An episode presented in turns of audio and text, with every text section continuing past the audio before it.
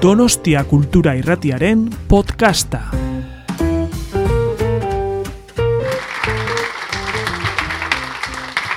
Muy bien, bueno, espero, espero que se me oiga, parece que el micrófono está bien. Ok, vale, pues, pues nada, muchas gracias, el honor, el honor es mío, de hecho, es, es un placer estar aquí eh, dando una charla eh, en Donosti, ¿vale? Yo no soy de Donosti, yo soy originalmente de Barcelona, soy donostiarra de, de adopción y para mí pues esto bueno, tiene un significado especial y más en un día de tanto calor que os podríais haber ido todos a la playa y sin embargo está, habéis venido aquí a aguantar la chapa ¿no? que, que, que, os voy a, que os voy a dar sobre, sobre un tema muy complicado que, que, se llama computación cuántica y que suena mucho últimamente y que parece que es como muy esotérico, nadie sabe exactamente qué es lo que quiere decir esto. Bueno, pues espero que después de la charla que os voy a dar hoy tengáis un poquito más claro de qué va esto de la computación cuántica y por qué es tan interesante y por qué hay tanta gente que está pues, realmente muy excitada con todo lo que está pasando en esto, en, lo que esté en el, en el panorama eh, científico. ¿De acuerdo? Entonces, bueno, mi objetivo hoy es eh, explicaros, pues como ya os he comentado, qué es esto de la computación cuántica, por qué es tan interesante, cuáles son las iniciativas eh, que están surgiendo eh, en todo el mundo, ¿vale? ¿Por qué ahora? ¿Por qué precisamente ahora? Y sobre todo también qué es lo que se está haciendo aquí en San Sebastián. Esto os lo comentaré al final, porque aunque, aunque suene un poco extraño, y aquí pues parece que, que sea de Bilbao, ¿no? Pero, pero, pero aquí en San Sebastián se están haciendo algunas de las cosas más punteras del mundo en algunos campos de computación cuántica, ¿de acuerdo? Entonces esto os lo comentaré hacia el final. Muy bien, vamos a, vamos a empezar un poco poniéndonos en perspectiva. Seguramente si habéis leído las noticias o, o habéis oído la radio, a lo mejor habéis eh, visto alguna noticia pues, de que a lo mejor, pues yo qué sé, se está invirtiendo mucho en computación cuántica, que hay eh, muchas empresas que se están empezando a meter, que tal y que cual. Bueno, esto es porque este campo tradicionalmente ha sido algo que, bueno, siempre ha estado dentro de lo que es el mundo académico, ¿de acuerdo? Y ahora estamos en plena fase de transición hacia, hacia la industria, ¿de acuerdo? Lo que está sucediendo es que hay un tipo de máquinas, que ahora os explicaré qué son, que son los ordenadores cuánticos, que nos da una capacidad de cálculo que es realmente impresionante, que hasta hace pocos años básicamente era una especie de entelequia teórica, pero que ahora las empezamos a tener, empiezan a existir en el laboratorio y se pueden empezar a hacer cosas con ellas. ¿no? Y este es el motivo, por ejemplo, de que haya gente pues, pues haciendo la transición a, a negocio. Aquí, por ejemplo, veis uno de los laboratorios que tiene IBM, en Estados Unidos. Luego también hay empresas que se han metido eh, con, con, muchísimo capital, ¿no? gente como Google, gente como Microsoft, los chinos también, con Alibaba, IBM también. Luego están saliendo todo un ecosistema de startups y de nuevas empresas alrededor de esta nueva tecnología.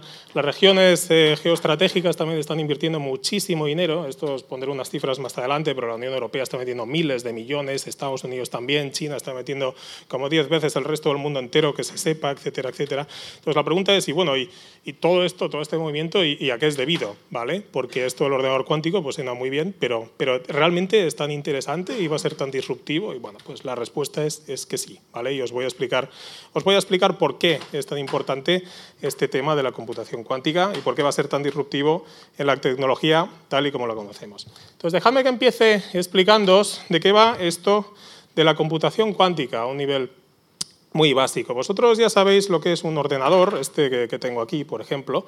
Esto está basado en bits, ¿vale? que es eh, pues básicamente ceros y unos, y esto es pues, una teoría que se desarrolló alrededor de los años 30, básicamente cuando la Segunda Guerra Mundial, que es donde empezó todo lo que viene a ser la computación que conocemos hoy en día. ¿no? Lo que pasa es que alrededor de los años 80 los físicos nos dimos cuenta de que la información realmente se puede también codificar en los elementos más fundamentales de la naturaleza. Aquí estoy hablando de, por ejemplo, los átomos. ¿No? Todos aquí estamos hechos de, átomos, ¿vale? las moléculas, ¿no? Eh, las partículas fundamentales. Entonces nos dimos cuenta de que se puede codificar la información en átomos, ¿de acuerdo? Y luego manipularlos de acuerdo a las leyes que rigen los átomos. ¿Y cuáles son estas leyes? Pues bueno, son las leyes de la física cuántica. Cuando te vas a esas escalas, a la escala del átomo, la escala de la molécula, etcétera, la física tradicional, la que vemos todos los días en nuestro mundo a escala humana, ¿no?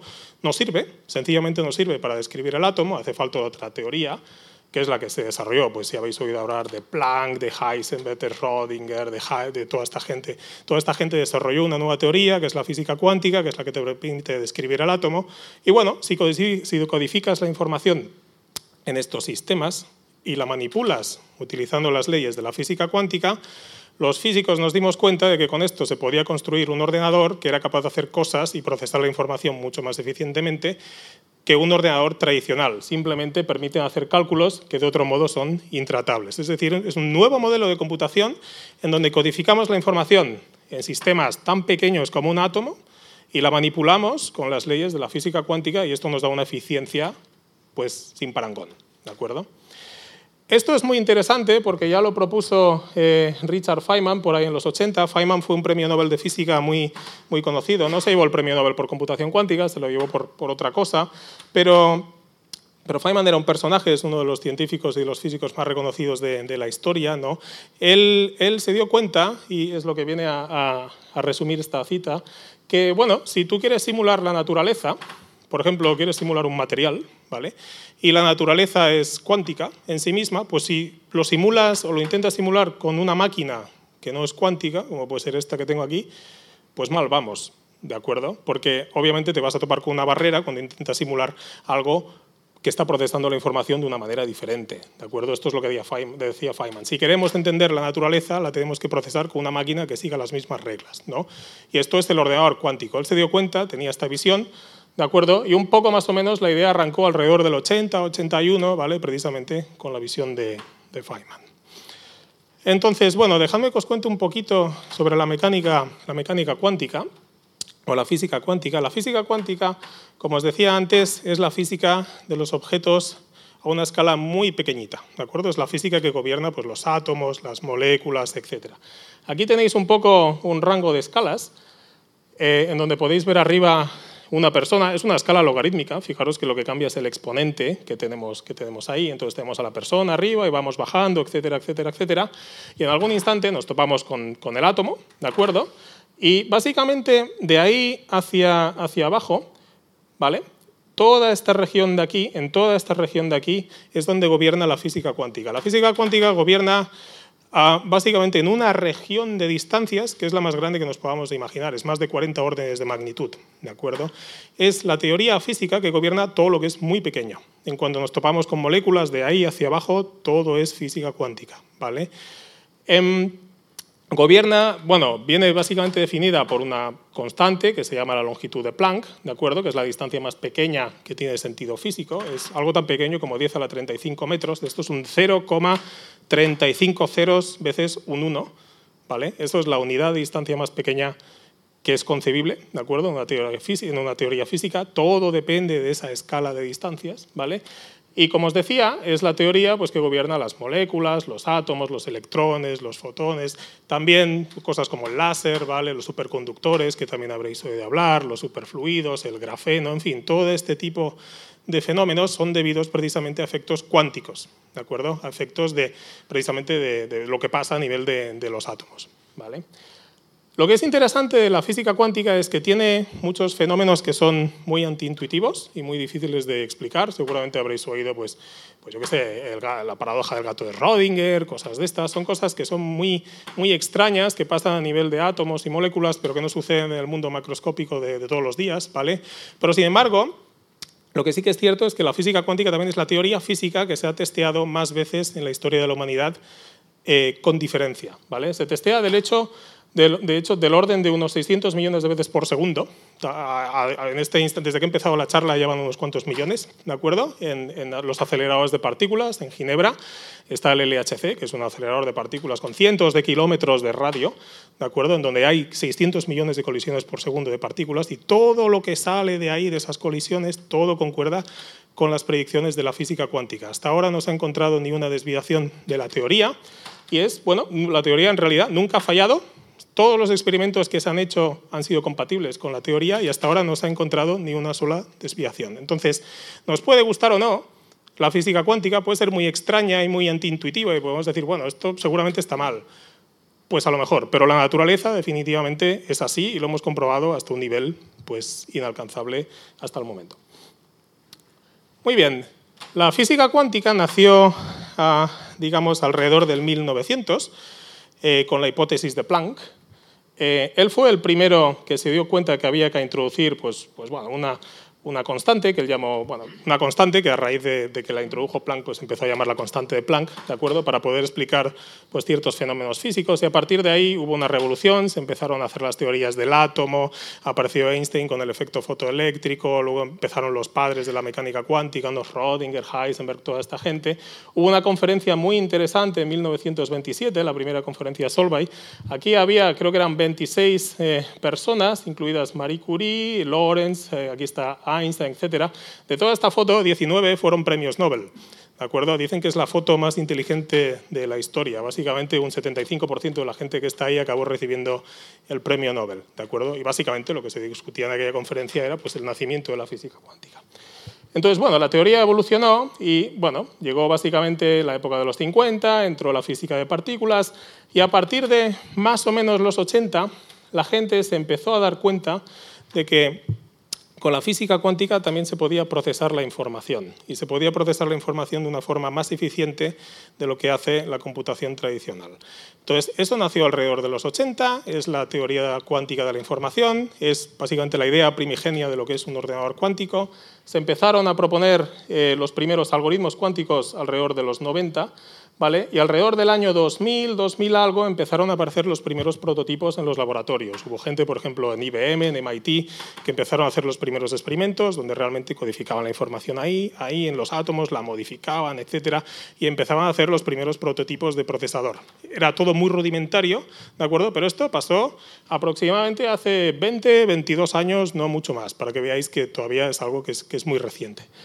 El tema se empezó a acelerar alrededor de 2010, ya empezaron a salir los primeros experimentos más potentes y alrededor de 2015, 2016, 2017 hubo un boom, porque hubo mucho desarrollo experimental en lo que es básicamente eh, el control de estos sistemas cuánticos en un laboratorio y a partir de ahí se empezó realmente a poder fabricar los primeros prototipos. Estamos hablando de, nada, de hace, de hace, muy poco, de 2015-2016. Entonces ahí es donde hubo realmente un salto y a partir de ahí es donde empezó la cosa a ponerse, a ponerse interesante. A partir de aquí evolucionó todo muy deprisa, se metió Google, se metió IBM, se metió, pues eh, yo qué sé, se metió un montón de gente, compañías privadas, empezó a haber muchas inversiones de, eh, bueno, de, de regiones geoestratégicas, de Europa, de Estados Unidos, etcétera, porque claro, si esta máquina empezaba a ser realista y podía procesar la información de una forma más eficiente que la computación tradicional, pues bueno, es que estamos ante la nueva bomba atómica, realmente, porque la primera región que consiga tener esta máquina tiene una ventaja estratégica respecto a todas las demás,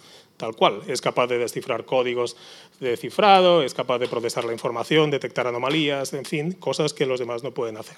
Y esto despegó todo alrededor de, 2000, de 2015, ¿de acuerdo?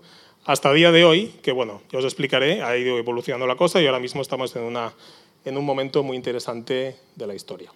Dejadme que os ponga un ejemplo de por qué la computación cuántica es un nuevo paradigma de procesar la información y por qué es tan, tan relevante. ¿de acuerdo? Este es un ejemplo muy sencillo que vais a entender todos. Es el ejemplo del problema de, de factorizar. Multiplicar, sabéis todos. Si yo os digo que me multipliquéis 5 por 3, me diréis que es 15. Si os digo que hagáis la operación al revés, que me cojáis 15 y me lo descompongáis en números primos, que decimos, ¿no? pues bueno, para 15 es una operación que es fácil, pero si os digo que hagáis lo mismo con, con, un número de 617 dígitos, pues esto de golpe es muy difícil. ¿vale? Multiplicar es fácil, factorizar es difícil y precisamente este tipo de problemas que son fáciles en una dirección y difíciles en la otra son los que se usan en criptografía. Es fácil encriptar, pero es difícil desencriptar. ¿vale? Hay un protocolo en particular que se llama el RSA, que es el que se ha usado durante mucho tiempo para hacer las transacciones, por ejemplo, cuando uno se conecta a Internet y se conecta al banco, que te sale ese candado de ahí, pues muchas veces va cifrado con este protocolo. ¿vale?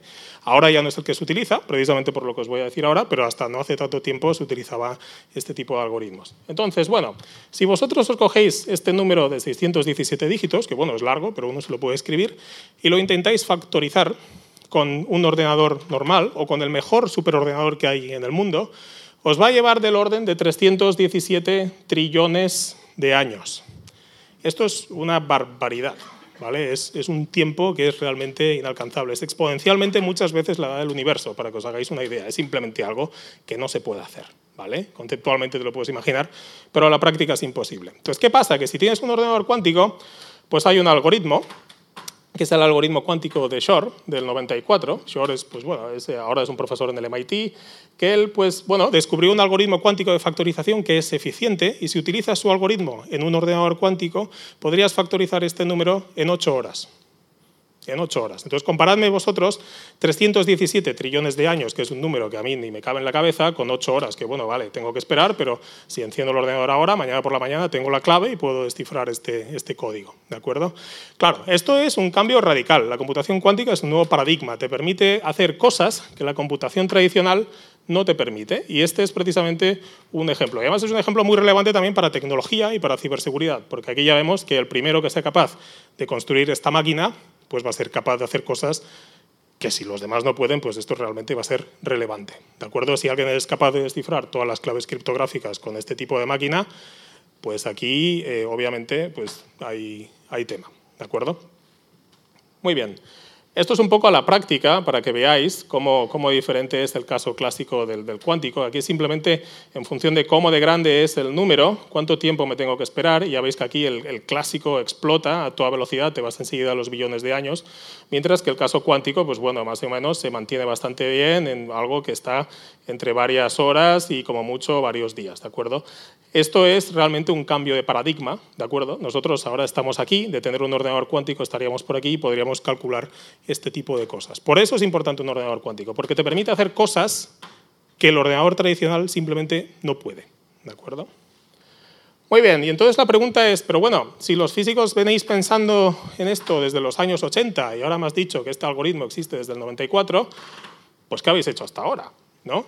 Os habéis estado rascando la tripa, ¿qué es lo que ha pasado? Bueno, pues la idea es que esto ya lo sabíamos desde hace tiempo, pero los sistemas cuánticos son muy frágiles. Hacer esto en un laboratorio es muy difícil. Los sistemas cuánticos enseguida se acoplan al entorno, al ruido, y enseguida decaen y pierdes las propiedades precisamente que los hacen cuánticos. Es muy difícil controlar un átomo en el laboratorio, es muy, muy difícil. ¿vale?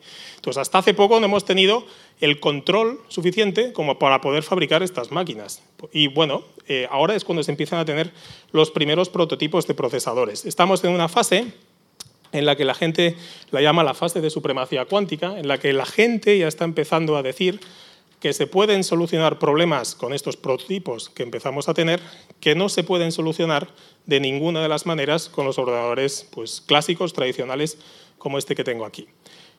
La primera empresa, y digo empresa porque fue una empresa, que hizo este tipo de, afirmación fue Google. En 2019 ellos eh, sacaron un artículo científico incluso también una entrada en su blog explicando que bueno, ellos estaban, habían fabricado un procesador cuántico, que es este que veis aquí en la foto, que en el fondo es más que un chip, pero bueno, dentro está ahí el procesamiento. Y ellos decían que habían sido capaces de solucionar un problema con su procesador cuántico que de hacerlo con sus mejores recursos computacionales les hubiera llevado más de 10.000 años. ¿Vale? Entonces, a partir de aquí, luego está por ver, hubo gente que salía ahí diciendo que, bueno, esto a lo mejor no es verdad, porque patatín y patatán, pero a partir de, este, de esta afirmación salió más gente diciendo cosas parecidas. Y esto es interesante, porque lo que te dice es que estamos ahora en ese periodo de transición en el que estos procesadores ya están llegando a un grado de madurez y estamos empezando a poder hacer cosas que no se pueden hacer de ninguna otra manera. Es como un punto de singularidad en el que ahora estamos empezando a poder aplicar este tipo de tecnología a algunos problemas específicos y es que realmente no lo podemos hacer de ninguna otra manera. ¿De acuerdo? Muy bien. Entonces, ¿cómo es un ordenador cuántico? Por si no lo habéis visto nunca, pues, pues aquí tenéis uno. Este es el, una de las máquinas que tienen en IBM y parece una lámpara, ¿vale? Pero en realidad es una nevera, ¿vale? Esto no es más que una nevera que baja la temperatura a medida que me voy de arriba hacia abajo. Arriba estamos a temperatura ambiente, va bajando la temperatura en cada uno de los platos. Aquí abajo estamos a milikelvin de temperatura, para que os hagáis una idea de eso, ahí abajo está más frío que el espacio interestelar. ¿De acuerdo? Y ahí es donde pegamos el procesador cuántico, que en este caso pues es un procesador cuántico pequeñito de, digamos, de, cuatro unidades de información, ¿vale? que es este de aquí.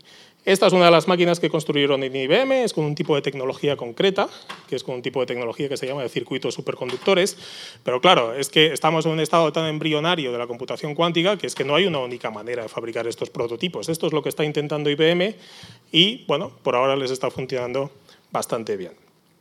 ¿Hay más formas de construir un ordenador cuántico? Pues sí.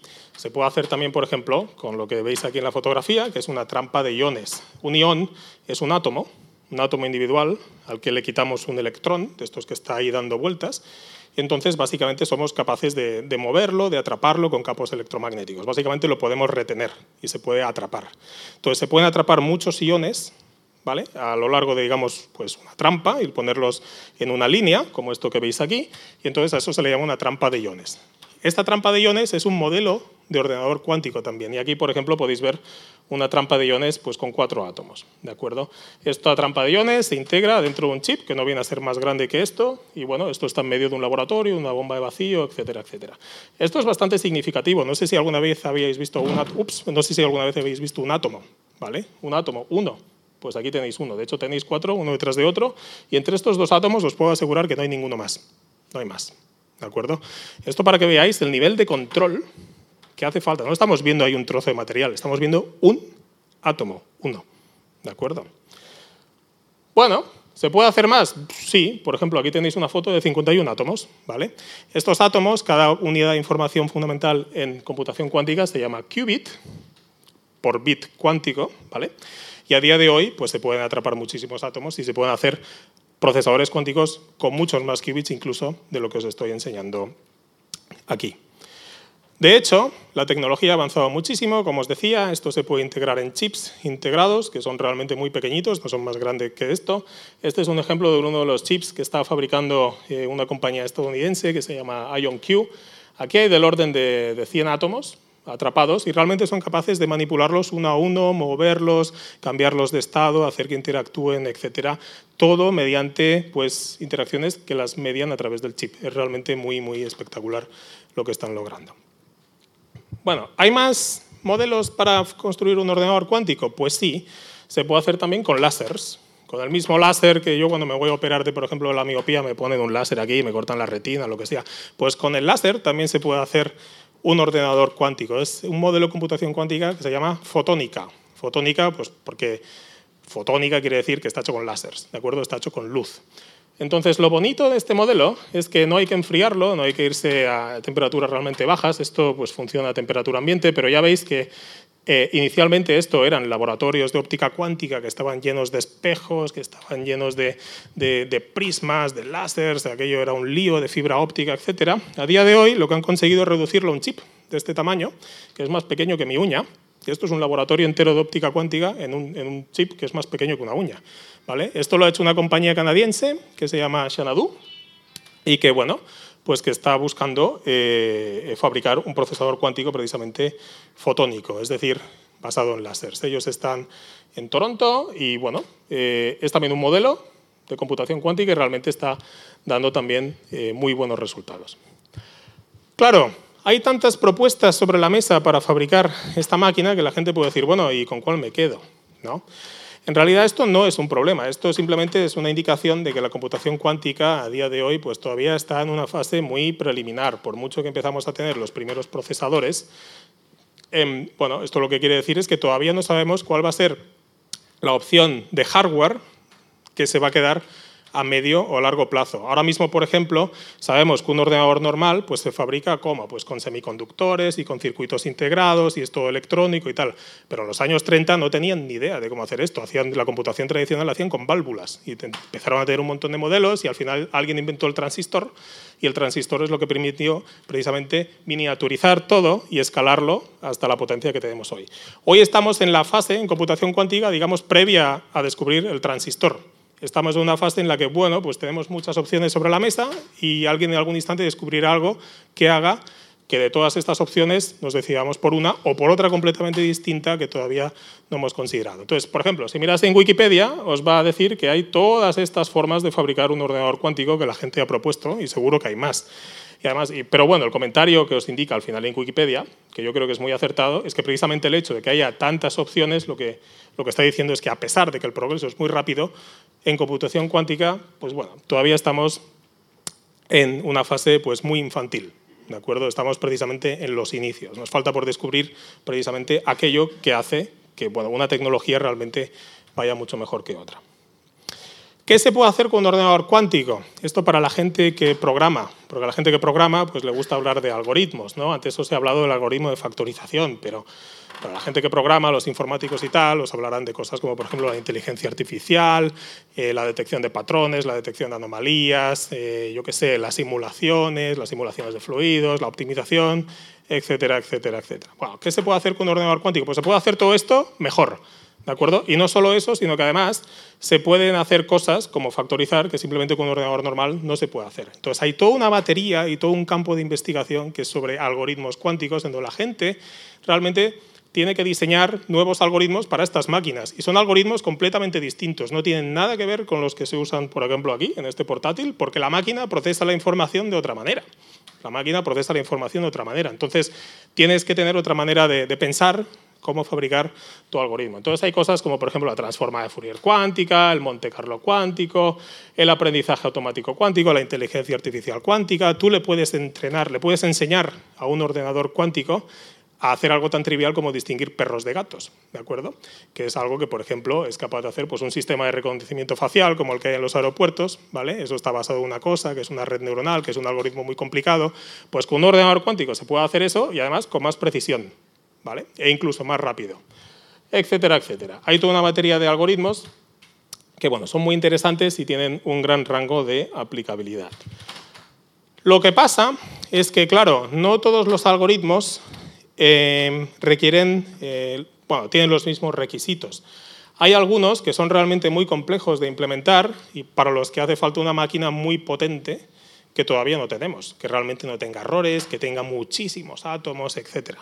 El primer ejemplo fue el algoritmo de factorización que os he enseñado antes. Ese a día de hoy todavía no lo podemos implementar en un problema realista, porque para hacerlo nos hace falta una máquina que todavía no tenemos. Lo que tenemos todavía es un modelo pequeño, ruidoso, es un primer prototipo y con ese primer prototipo, pues hombre, factorizar un número de 617 dígitos aún no podemos, ¿de acuerdo?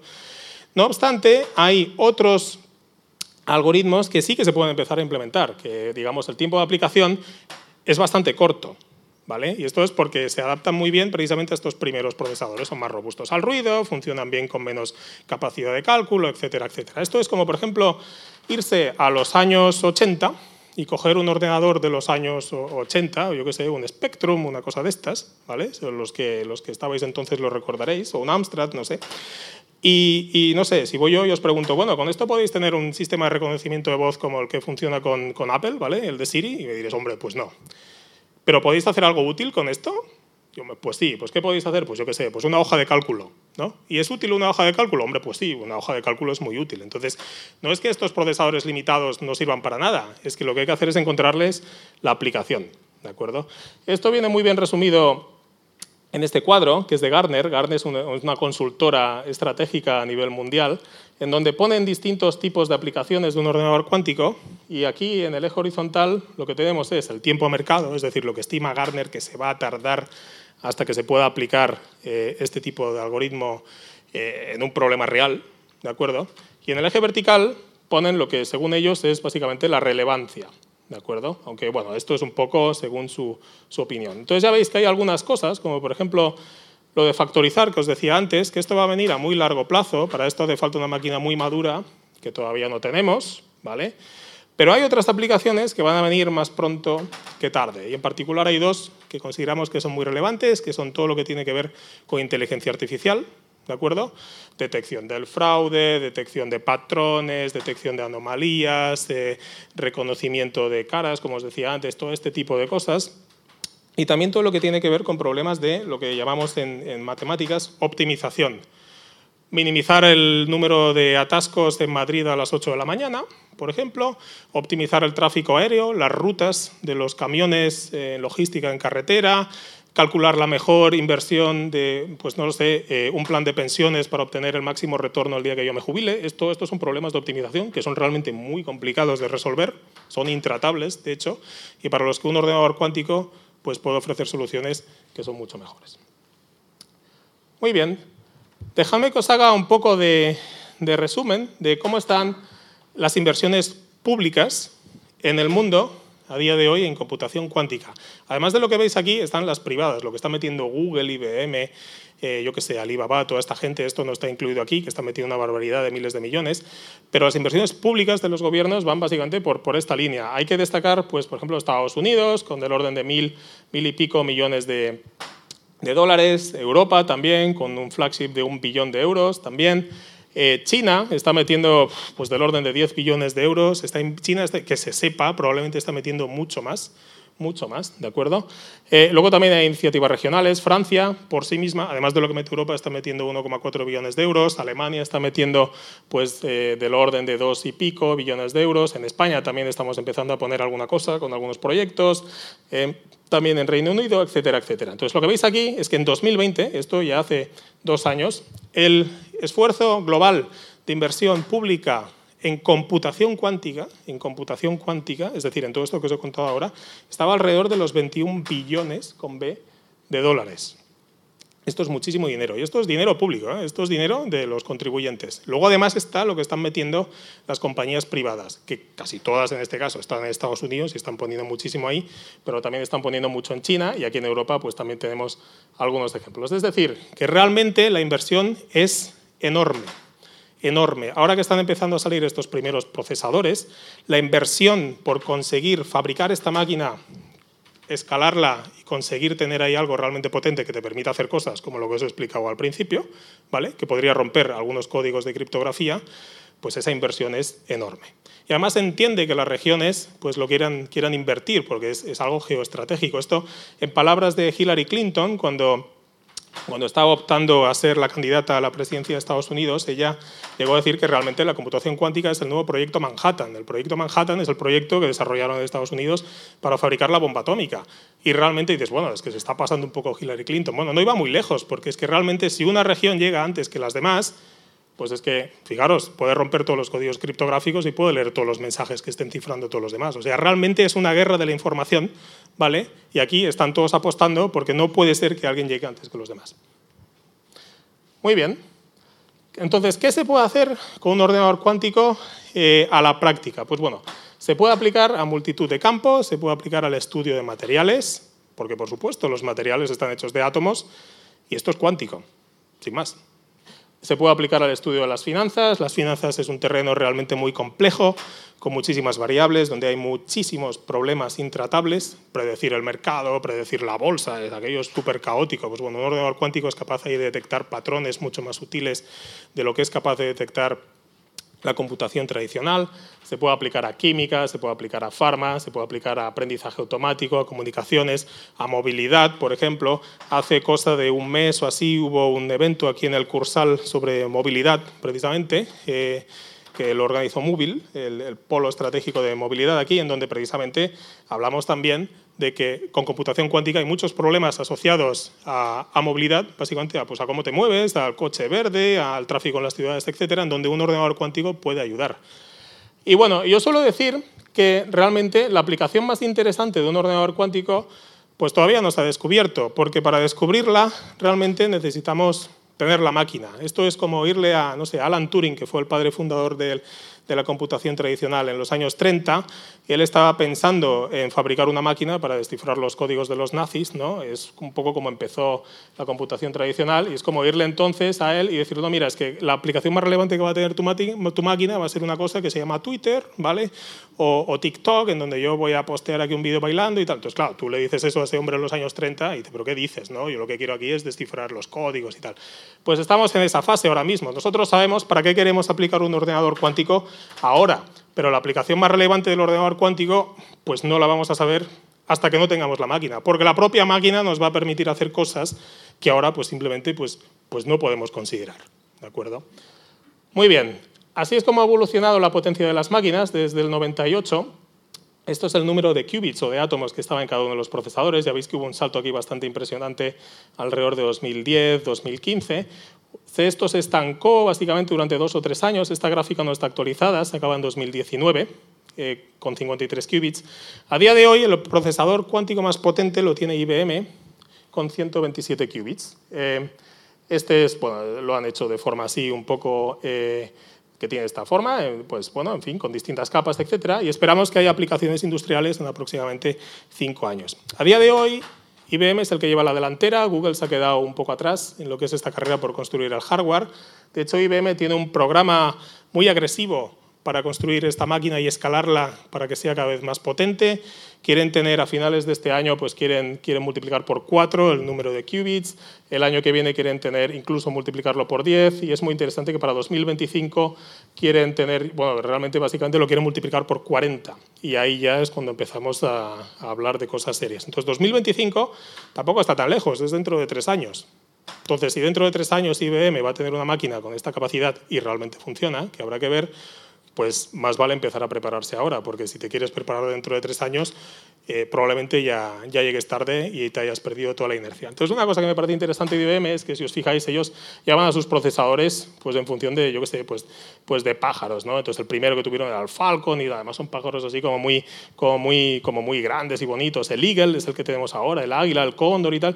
Y me llama mucho la atención que al procesador más potente en 2025 lo quieren llamar cocaburra, que es un pájaro cabezón que vive en Australia, que es así, de este tamaño, muy chiquitín. Y no sé, es un poco como un homenaje a este pequeño animal. Además, me hace mucha ilusión porque yo hubo una época en la que vivía en Australia y tenía un montón de cocaburras delante de casa que me despertaban todas, todas las mañanas. Y es muy, muy interesante, es un buen homenaje a este, a este pajarillo. No todo van a ser águilas, cóndors, fénix y cosas de estas, ¿no? También los, los pequeñajos también, también mandan. Muy bien, a día de hoy también se está buscando la escalabilidad eh, básicamente cómo lograr un ordenador cuántico de... Yo no quiero un ordenador cuántico de mil qubits, yo quiero uno de un millón. ¿Cómo hago eso? Para eso me tengo que inventar un nuevo tipo de tecnología. Pues eso también se está investigando. Se está investigando conectar distintos ordenadores cuánticos entre ellos. Por ejemplo, esto es un experimento que se hizo en Innsbruck el año pasado, donde se conectaron dos ordenadores cuánticos separados por 400 metros y se, hubo un procesamiento de la información cuántico coherente entre los dos. Esto se logró hacer, fue una primera propuesta. Se está trabajando por integrarlo todo realmente en racks ¿vale? Igual que lo, pues, pues, como tienen, por ejemplo, ahora en los, en los centros de supercomputación. Y bueno, se están proponiendo realmente arquitecturas que yo creo que van a ser escalables dentro de poco. Dejadme que os explique algunas aplicaciones en la industria de computación cuántica, porque claro, todo esto está llegando ahora en un instante en el que la industria, pues bueno, si en 2025 vamos a tener este tipo de máquinas, eh, las empresas eh, las empresas que realmente necesitan recursos de computación, pues se tienen que empezar a poner las pilas y tienen que empezar a, buscar aplicaciones, a entrenar a, su, entrenar a su gente, a buscar a ver qué problemas, en qué problemas los pueden aplicar, en cuáles no, etcétera, etcétera. Entonces, por ejemplo, hay una estimación que dice que el mercado de computación cuántica alrededor de 2035 va a llegar a los entre, algo entre 30 y 50 billones de dólares. Esto es muchísimo. Esencialmente, cualquiera que utilice computación de la dura, va a poder mejorar su capacidad de cálculo utilizando un ordenador cuántico. Entonces, por ejemplo, la industria de la automoción, que es algo que, que, es algo pues, muy tangible, ¿no? los coches, ¿no? pues se estima que esto será eh, alrededor de 2030, que está a la vuelta de la esquina, esto va a llegar a los 3 billones de dólares el mercado. O sea, realmente aquí hay una oportunidad de negocio. Y bueno, las aplicaciones pues hay, pues hay muchísimas. Por ejemplo, en finanzas, BBVA y CaixaBank ya se han metido, por poneros un par de ejemplos nacionales en temas de optimización de carteras de inversión, que son las típicas carteras de inversión que uno contrata pues cuando contrata un fondo de inversión o cuando contrata un plan de pensiones. ¿no? ¿Cómo saber cómo tengo que invertir de cara a maximizar el retorno y minimizar el riesgo en un periodo de tiempo? Pues ese tipo de cálculos con un ordenador cuántico da mejor, ¿de acuerdo? Tenéis más retorno y menos riesgo. ¿no? Además de BBVA y CaixaBank, hay muchos otros bancos que también se están metiendo. Se ha metido Morgan Stanley, se ha metido JP Morgan, se ha metido el Crédit Agricole en París, se ha metido, yo qué sé, los principales eh, gestores de fondos de inversión, BlackRock, Fidelity. Toda esta gente se está metiendo y están construyendo sus propios grupos internos ¿vale? en computación cuántica para poder aplicar precisamente este tipo de algoritmos. En química también, en simulación de moléculas, en desarrollo de nuevos materiales. Esta gráfica, por ejemplo, de aquí es de una empresa canadiense. La gente de IBM también ha simulado moléculas con el procesador cuántico de IBM. También en movilidad, como os decía antes, ha habido muchas alianzas entre empresas eh, de automoción y fabricantes de ordenadores cuánticos. Por ejemplo, Mercedes eh, se ha aliado con la gente de Google, Volkswagen se ha aliado también con una startup canadiense que se llama D-Wave, la Ford con la NASA. Diréis, ¿y aquí qué pinta la NASA? Si la NASA hace cohetes, ¿no? Pero bueno, es que NASA compró un ordenador cuántico. Se lo compró a D-Wave. Entonces lo tenía ahí, lo utilizaba y en lugar de usarlo para sus cosas, además de para sus cosas, vendía tiempo de cálculo en particular pues se lo vendió a la Ford. ¿no?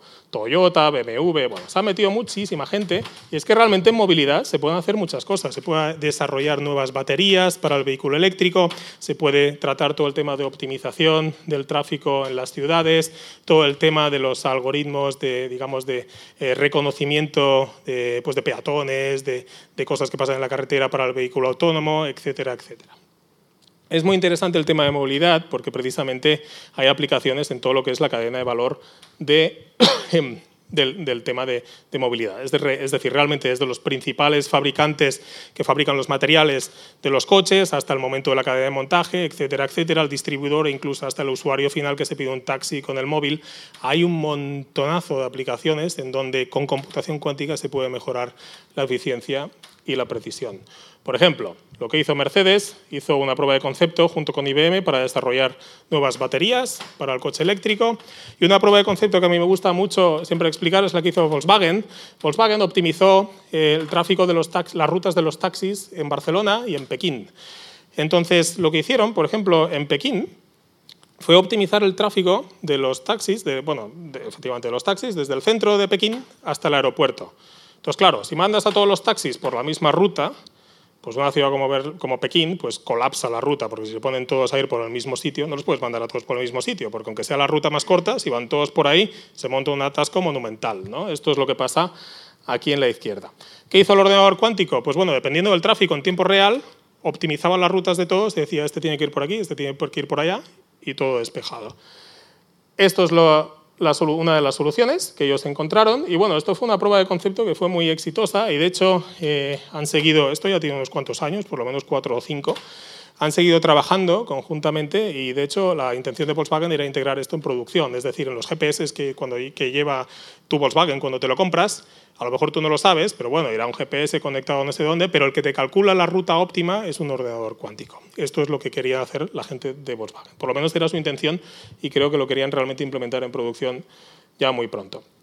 En Barcelona hicieron una cosa diferente, que era predecir el número de taxis que hacía falta en función de la densidad de gente en distintas zonas geográficas. Esto lo hicieron cogiendo datos, eh, pues me parece que era de Vodafone, de, geolocalización de los teléfonos móviles. Entonces, por ejemplo, sale de golpe la gente del cine y de repente hay un montón de gente ahí que va a necesitar un taxi y con los datos de los móviles eran capaces de predecir que ahí hacía falta taxis y te podían mandar ahí. Entonces, ¿cómo hacían toda esta optimización? Pues la hacían a través de un ordenador cuántico y también pues funcionó muy bien. BMW se ha puesto muy en serio, sacaron incluso un reto eh, abierto para que la gente propusiera soluciones a cuatro o cinco problemas que ellos tenían como muy, muy duros con computación cuántica, problemas que iban desde cosas de química hasta cosas de fabricación o detección de fracturas en piezas del automóvil, etcétera, con visión artificial. Todo esto la gente lo ha hecho con computación cuántica y realmente BMW está pensando en integrarlo en lo que es eh, pues su cadena de producción. Y bueno, y finalmente, pues ciberseguridad, que es la aplicación de la que hemos empezado hablando. Os empezado explicando que un ordenador cuántico es capaz de romper algunos códigos criptográficos. ¿no? Entonces, claro, esto, es un problema. ¿no? Eh, ¿Qué pasa? Que algunos de estos códigos criptográficos, no solo ese, sino otros, son susceptibles a ataques por ordenadores cuánticos. Entonces, lo que hay que hacer es cambiar el estándar de criptografía. Esto es lo que se está haciendo hoy en día. Se está yendo hacia una criptografía que es la que se llama la criptografía post-cuántica, que lo que quiere decir es que es una criptografía que es robusta a ataques de un ordenador cuántico. Todavía no tenemos esa máquina, pero yo no quiero que dentro de 20 años, si alguien la tenga, coja mi mensaje, que se lo habrá guardado, y lo descifre. ¿De acuerdo?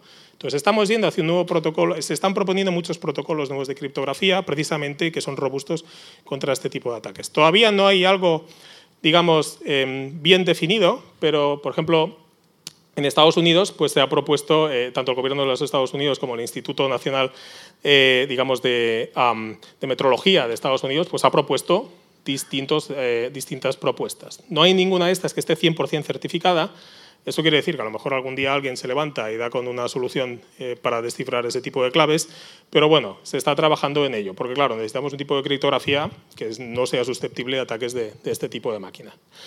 También hay otra solución, que es lo que se llama la criptografía cuántica. Esto es algo completamente separado de la computación cuántica. Resulta que también se puede hacer criptografía con átomos, con fotones, con partículas fundamentales y tal. Es algo que es un tipo de tecnología cuántica que es anterior a la computación cuántica y de hecho ya es comercial.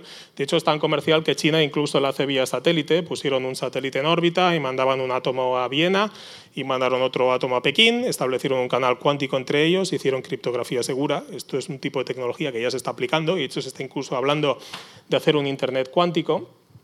Y bueno, al margen de eso, con computación cuántica, pues por supuesto, todos los algoritmos de inteligencia artificial que se pueden mejorar te pueden ayudar a detectar viruses, a detectar spam, a hacer filtros, a detectar ciberataques, ¿de acuerdo? Etcétera, etcétera. Entonces ya os podéis imaginar que este es un tema muy candente hoy en día, sobre todo después de lo que está pasando eh, en Europa, eh, que los gobiernos están poniendo muy serios sobre esto y bueno, que no solo hay mucha inversión, sino que además esto se está empezando a tomar, ya se estaba tomando muy en serio antes, pero es que ahora se está tomando todavía, ha cogido todavía mucha más relevancia todo lo que es el tema de ciberseguridad. Muy bien. Logística también, como os comentaba antes, el tráfico de barcos, el tráfico de aviones, incluso dentro de los puertos y dentro de los aeropuertos está cosas como, por ejemplo, la carga y descarga de los contenedores. Esto es un problema realmente intratable si os vais al puerto de Hamburgo o al puerto de Singapur, aquello es realmente un pifostio de dimensiones mayúsculas. ¿Cómo organizas los barcos para que entres, descarguen, se vayan y luego venga un camión y se lo lleve y que no haya un atasco, etcétera? Esto, cuando lo matematizas y lo escribes en términos de alguna fórmula, ves que también es un problema intratable y, bueno, pues por ejemplo, el puerto de Hamburgo hizo alguna prueba de concepto, algún un pequeño piloto precisamente utilizando computación cuántica. Este tipo de problemas, ya veis que aquí, pues, pues bueno, eh, también son susceptibles de, mejorar con este tipo de, de tecnología. En fin, hay infinitas posibilidades y ahora la pregunta es, ¿y aquí qué hacemos en Donostia después de daros toda esta perspectiva mundial? Pues bueno, como os decía al principio, Aquí pues están haciendo muchísimas cosas. Aquí hay centros de investigación que son punteros en temas de computación cuántica, tanto en la parte de teoría de todo esto que os he explicado, los algoritmos, etcétera, como en la parte de hardware. También hay gente aquí que está haciendo experimentos con sistemas cuánticos, realmente controlando este tipo de sistemas uno a uno. Y luego además también están surgiendo, surgiendo empresas eh, que son muy interesantes. Entonces voy a hacer un pequeño resumen. Hay iniciativas por parte de la Diputación y Gobierno vasco de crear un polo de tecnologías cuánticas en Guipúzcoa con centro en San Sebastián. Eh, hay varias iniciativas, está la iniciativa ICUR, está el Quantec. Eh, también a nivel de España una iniciativa que se llama Quantum Spain, pero realmente aquí están todos los agentes muy alineados y realmente entienden que esto es algo relevante y que aquí hay que, hay que invertir y hay que meterse en serio, porque es algo que, quieras o no, es algo que va a llegar. Entonces tú decides si quieres estar o no quieres estar. ¿Quién está metido aquí, por ejemplo, de centros de investigación? El DIPC, centro, bueno, yo que os voy a contar si yo vengo de aquí. Esto es un centro puntero en el mundo en temas de, física teórica eh, y en particular en temas de, de cuántica. Luego también hay eh, bueno, pues el centro hermano, eh, el Centro de Física Materiales, que está justo delante, que es un centro mixto del CSIC y la Universidad del País Vasco. Aquí realmente ah, no solo se está haciendo teoría, sino que además también se están haciendo algunos experimentos muy interesantes. De, por ejemplo, para, tenemos un proyecto por ejemplo, para intentar fabricar un pequeño procesador cuántico con dos, con dos átomos, ¿de acuerdo? para poder empezar a hacer algunos experimentos aquí dentro de, dentro de la casa. Y esto es algo que lo estamos haciendo en el CFM.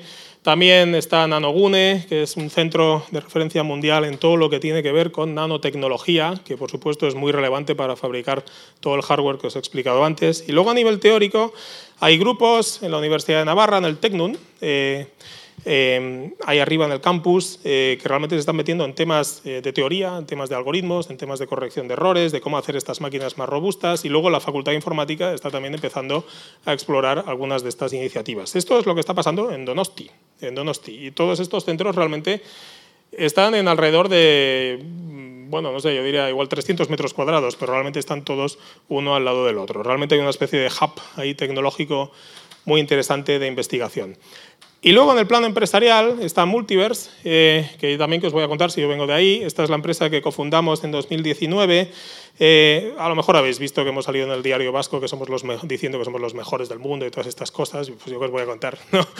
Pero realmente es, es muy relevante porque esto sí que es un dato objetivo. Ahora mismo somos la empresa de software de computación cuántica más grande de la Unión Europea. La Unión Europea el año pasado nos inyectó 12 millones y medio de euros, ¿de acuerdo?, de capital, precisamente para eh, expandir la empresa y desarrollar las soluciones que estamos proponiendo. Estamos haciendo software, estamos haciendo algoritmos, ¿de acuerdo?, y estamos creciendo un montón. Realmente Europa pues, ha apostado por nosotros, somos más de 50, estamos arriba en Miramón, tenemos la sede aquí en San Sebastián, pero también tenemos a gente en Toronto, tenemos gente en París, tenemos gente en Múnich, y realmente, pues bueno, somos una empresa muy internacional. Y esto, pues, está pasando aquí, en Donostia. No nos tenemos que ir ni a MIT, ni a Silicon Valley, ni nos tenemos que ir a Múnich. Esto está pasando aquí, delante de la concha.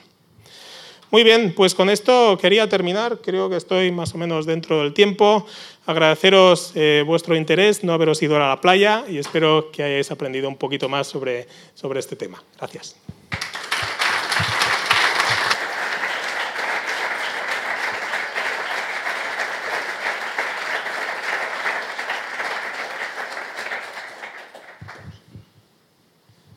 Y ahora me imagino que si alguien tiene alguna pregunta, pero a lo mejor hace falta un micrófono por ahí que viene por detrás. Sí, eh, bueno, eh, muy interesante la verdad. Eh, hablando de computación cuántica, es que yo hoy trato de hacer la analogía a la computación convencional y has hablado de los ordenadores cuánticos y que me imagino que una oportunidad estratégica de país a nivel local no solamente es el hardware, sino es las, las aplicaciones, ¿no? El crear eh, pues toda una industria que se aproveche de ello, ¿no?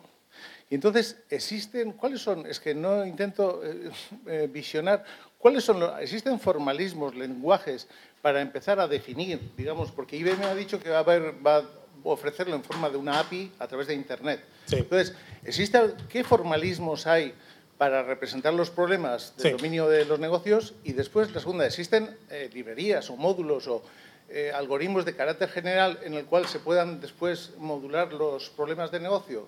¿Cuál es el estado del arte de esto? Sí, eh, sí que hay un, hay un formalismo, eh, que es el formalismo teórico para describir un ordenador cuántico, que es, va tan hasta la base de describir pues, lo que pasa en los bits cuánticos y cuáles son las operaciones que aplicas ahí. Entonces, la forma de programar esto, por ejemplo, en el ordenador de IBM, los de IBM, IBM es un buen ejemplo, porque ¿cómo lo hacen? Bueno, ellos tienen su máquina ahí, entonces eso se controla un lenguaje de muy alto nivel ahí, ¿no? Y entonces, además, tienen otras librerías que se han programado típicamente en C, en Python, en cualquiera de estos lenguajes. Hoy en día lo que se usa el estándar es Python, ¿de acuerdo? En donde, bueno, tú te descargas ese paquete de librerías y con eso te puedes hacer un programa, un programa de los normales, pero simplemente las funciones que llamas son funciones que pueden actuar sobre un ordenador cuántico. ¿De acuerdo? Entonces, nada, tú te haces tu programa y luego a la hora de correr el programa, pues hombre, si tienes la máquina aquí al lado, la corres aquí al lado, si no, pues lo lanzas en la nube y, ya hay un sistema de colas y ya, ya correrá. O sea, un ordenador cuántico realmente se programa eh, pues usando Python, que es un lenguaje de programación, que es el que se usa, por ejemplo, es en lo que se está programado YouTube, ¿de acuerdo? No es, no es nada especial. Lo único que pasa es que eh, los proveedores de hardware han hecho librerías especiales que te permiten usar funciones que actúan sobre el procesador cuántico. Por ahí al fondo hay una pregunta. Buenas tardes. Eh, enhorabuena, sobre todo por la claridad. Un asunto tan complejo como este, la claridad. Eh, tenía una duda, una aclaración. Cuando eh, desglosaba todas las cifras de inversión, supongo que serían los billions anglosajones, ¿no? No billones que empleamos nosotros. Mil millones. Exacto. Mil millones. Sí, un billón es mil millones. Exacto. Sí, sí, Entonces las cifras era el billón anglosajón, ¿no? Exacto. Por allí. Darte la enhorabuena también por la, presentación, ha sido un, disfrutar un rato largo. En el cuadrante de Gartner había una clasificación de la, de la mejora que representaba la computación cuántica en algunos algoritmos. Lo clasificaba en lineal, eh, bueno, polinómica, suprapolinómica y exponencial. Pero tú has citado problemas que no son resolubles con la computación clásica que utilizamos. ¿Puedes ponernos algunos ejemplos más de, problemas no resolubles? Sí, bueno, de hecho en ese cuadro había, hay problemas que sí son resolubles eh, con computación tradicional. Lo que pasa es que el ordenador cuántico es más, o bien más preciso o bien más rápido incluso. Un ejemplo, por ejemplo, de lo que os comentaba antes de, las redes neuronales, de detección de, patrones, de, reconocimiento de caras. ¿no? Tú cuando vas al aeropuerto y te hace un escáner, el, yo qué sé, el cacharro este que, te, que tiene ahí electrónico cuando pones el pasaporte y tal, reconoce tu cara, etc. Eso es una inteligencia artificial, es un algoritmo que funciona, ¿vale? Eh, lo que pasa es que con un ordenador cuántico también se puede hacer eso, pero mejor. Es capaz de detectar patrones, es, decir, es capaz de detectar, eh, pues en este caso reconocer caras, con un porcentaje mayor de precisión. ¿de acuerdo? Es decir, no se trata solo de, aplicaciones para las que un ordenador normal simplemente no puede, sino que para lo que hacemos en el día a día, eh, digamos, para muchas cosas realmente un ordenador cuántico pues sí que, sí que va a traer ventajas. El tema de la inteligencia artificial es uno. Es uno que es, que es, muy, es, muy, bueno, en fin, está, está, muy claro. Luego sí que es cierto que para otras cosas pues no va a hacer falta un ordenador cuántico. O sea, no es que un ordenador cuántico vaya a reemplazar al ordenador convencional en todo. Lo que va a pasar, porque un ordenador convencional, pues, por ejemplo, para hacer una hoja de cálculo, pues no necesitas un ordenador cuántico. ¿no? Y un ordenador normal va muy bien para determinadas cosas y luego hay pequeñas cosas para las que pues, bueno, hay un cuello de botella ahí y que no puede procesar. Entonces es ahí en donde vamos a usar el computador cuántico. El modelo en el futuro será una especie de híbrido en donde básicamente muchas cosas van a ser clásicas y aquellas en las que el procesamiento clásico pues, lo pase peor, estas se mandan al ordenador cuántico. Exacto. Había otra por aquí. Hola, eh, excelente presentación. Un par de preguntas. La primera tiene que ver sobre la temperatura. Tú estuviste hablando de temperaturas cercanas a cero Kelvin. ¿Qué es lo que tienen pensado como estrategia para salir de eso? Pregunta uno. Pregunta dos. Hay algo que no mencionaste y que creo que es muy importante, eh, que es todo lo que tiene que ver con el funcionamiento del cerebro y qué se está haciendo en esa dirección pregunta. Gracias. Sí, respecto a la temperatura, esto depende del, modelo de hardware. Por ejemplo, el modelo que está utilizando IBM se tiene que enfriar a, hasta milikelvin, muy cerca del, cero absoluto. Eh, pero eso se puede conseguir, de hecho, bastante fácil con nitrógeno líquido, que lo puedes comprar comercialmente y te lo traen en camiones. El caso de las trampas de iones es todavía peor porque hay que ir a seis órdenes de magnitud más de enfriamiento y entonces se tiene que hacer un tipo de enfriamiento especial con láseres, etcétera, que es como por ejemplo el que usan para hacer condensados de Bose-Einstein. Ese sí que es más complicado, pero también se puede hacer. Tecnológicamente es algo que llevamos ya muchos años haciendo. Lo que pasa es que, claro, eh, no es algo que no funciona a temperatura ambiente. Pero hay modelos de computación cuántica que sí. Por ejemplo, el fotónico, los láseres, ese sí que es a temperatura ambiente. Ahí no tienes que enfriar. Entonces, esa es una ventaja precisamente de ese tipo de, modelo de computación. Tiene otras desventajas, pero bueno, ese es un ejemplo de un modelo de computación cuántica que funciona a temperatura ambiente. Y a día de hoy, pues está un poco a la par con los otros. No se sabe, no hay ninguno que gane claramente. Pero sí, es cierto, el tema de la temperatura, pues puede ser un problema o no. Si tienes un proveedor de nitrógeno líquido, pues como tiene IBM, seguramente puedes enfriar. Pero bueno, en fin, hay modelos que te permiten eh, hacer este procesamiento de la información a, a temperatura ambiente. Sí. Y luego en el tema del cerebro, ese es un tema muy interesante porque, bueno, ahí eh, ya nos estamos metiendo un poco en, especulación y camisas de once varas, ¿no? Porque, bueno, no sabemos realmente bien cómo funciona eh, la máquina que tenemos dentro de la cabeza, ¿no? Eh, no sabemos si hay efectos cuánticos ahí o no, o si los hay, que puede ser que los haya. Tampoco sabemos describirlos bien, porque el cerebro no funciona a milikelvin, el cerebro no funciona cerca del cero absoluto, funciona a la temperatura ambiente y en un ambiente húmedo y tal, ¿no?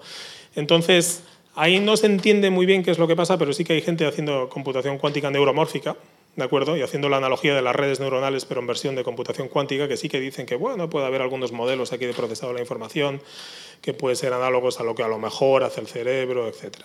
Luego, eso es desde el punto de vista fundamental, pero luego desde el punto de vista un poco más de aplicaciones, para la gente que estudia el lenguaje, por ejemplo, y la gente que estudia el cerebro, yo qué sé.